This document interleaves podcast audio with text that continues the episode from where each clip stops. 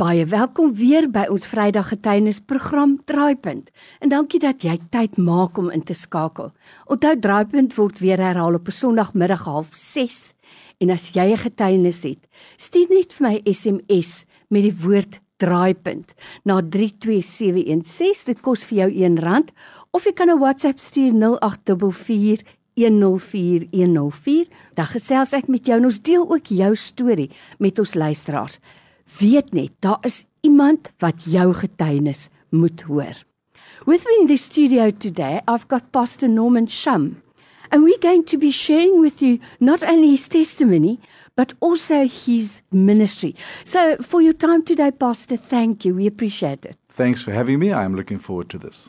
You know, Pastor Norman, in 1 Peter 3:15 we read that we always have to be ready to Yes. give our testimony. That's right. yeah. Because people can argue with us about the Bible, the origin of the Bible, on and on and on, but they cannot argue with our personal testimony. Yes. Why did I become a Christian? How did it happen? How's my life changed? So, in your case, tell us your story. Wow. Go, let's go back to when I was a young man growing up, not in a Christian home, never heard about the Bible, didn't hear much about God, played some sport, got older, had some drinks, did the things that everyone else does who doesn't know God.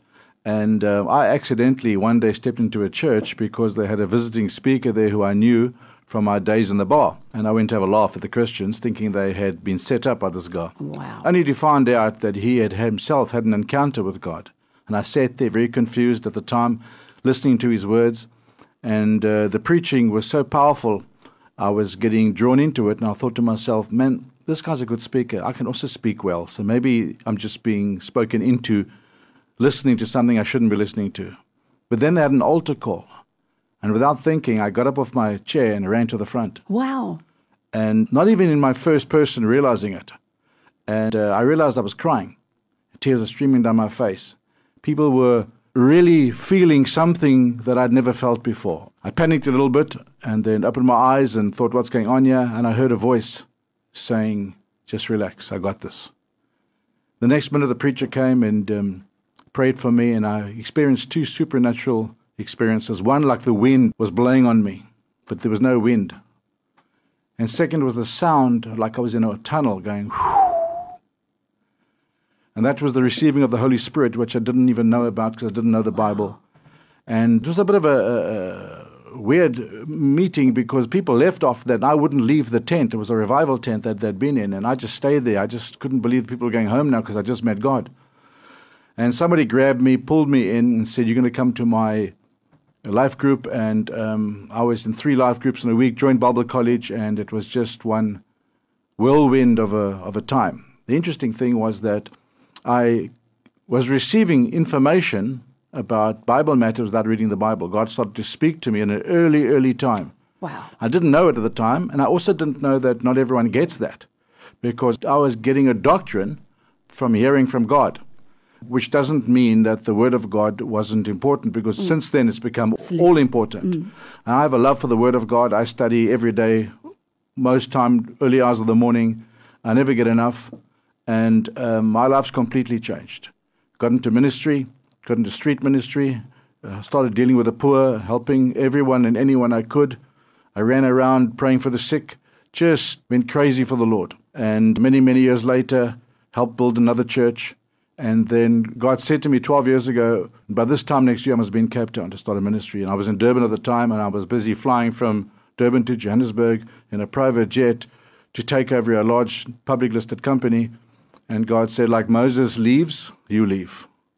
And um, he brought me to Cape Town, gave up my income, and we started a, a ministry here in Cape Town and just have a hunger to minister, hunger to preach, a hunger to share the truth, hunger to share the word, especially in this day and age. Yeah.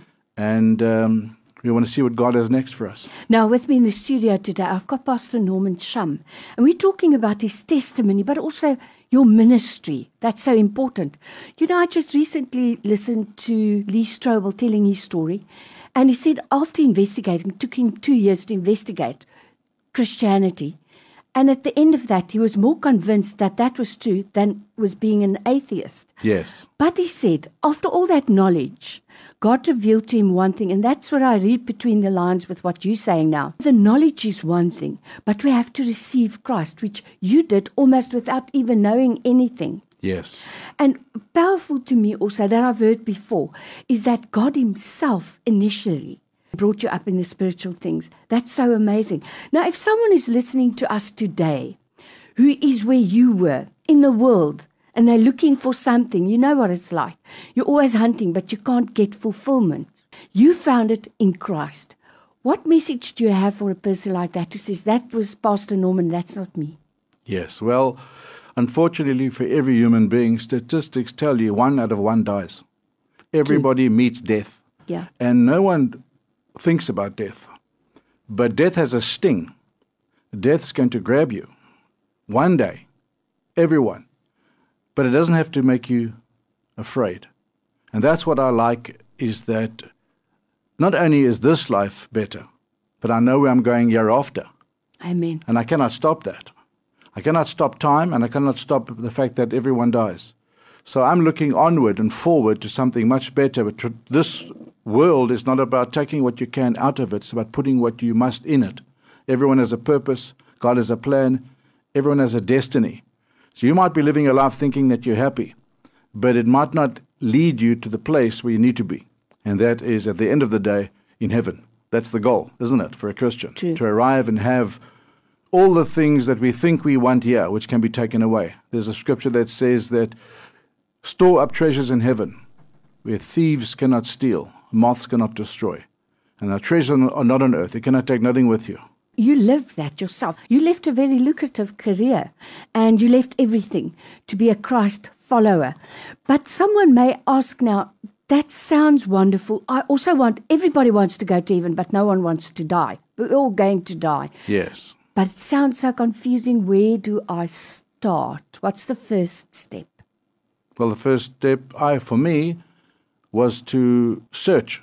People grow up in homes believing what they believe, but most people will fight for the right to believe what they believe without researching it. The first thing is to say, "Hey, what is the truth? How do I find it? Where do I go, where do I go look?" But if you just want to defend what you believe without searching, there's no plumb line for you. And the True. plumb line is, how does it weigh up? How does it stand up? And I remember being, being at work, at one of the engineers resigned because um, he worked out that the chances of there being no God was trillions to one.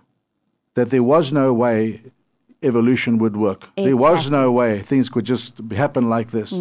So he was a Jewish guy and he left to go back to Israel to search more. So that was the initiating point. We believe so easily these days. Isn't it interesting that the schools will teach you whatever they pay to teach you? There's no longer a search for truth. True. Every individual must search for truth. What is the truth? Not my truth, the truth. I'm speaking to Pastor Norman Shum today. And in closing, Pastor Shum, we're living in perilous times. We see that, we hear that every day. The signs are clearly in front of us. And I think most people who don't know the Bible will be surprised at how accurate the Bible describes the times that we're living in now.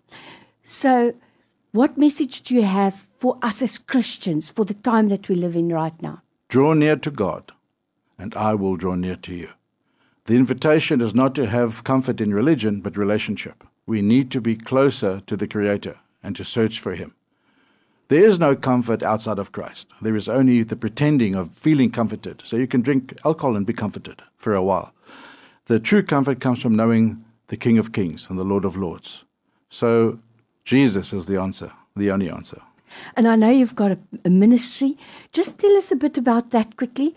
And if anybody is searching now and would like to know the truth that you have discovered, that I have, Yes. just tell us about that. Well, we're Trinity Church in Durbanville. We're in Frazita Business Park and off Langeberg Road. We meet at 10 o'clock on a Sunday morning. Come for praise and worship, and you will hear the Word of God preached. Every message is prepared. It takes about four hours to prepare a message, research a message, and they prepare and pray and preach. It will be anointed. If you're looking for the presence of God, the glory of God, the Word of God, that's what we offer. So come have a free coffee with us. Come and join us and come and hear more. So, Pastor Norman, if someone wants to join or maybe ask you some questions, can you give us contact details? Yeah, sure. They can um, email me at norman, N O R M A N, at trinityoutreach.org.za.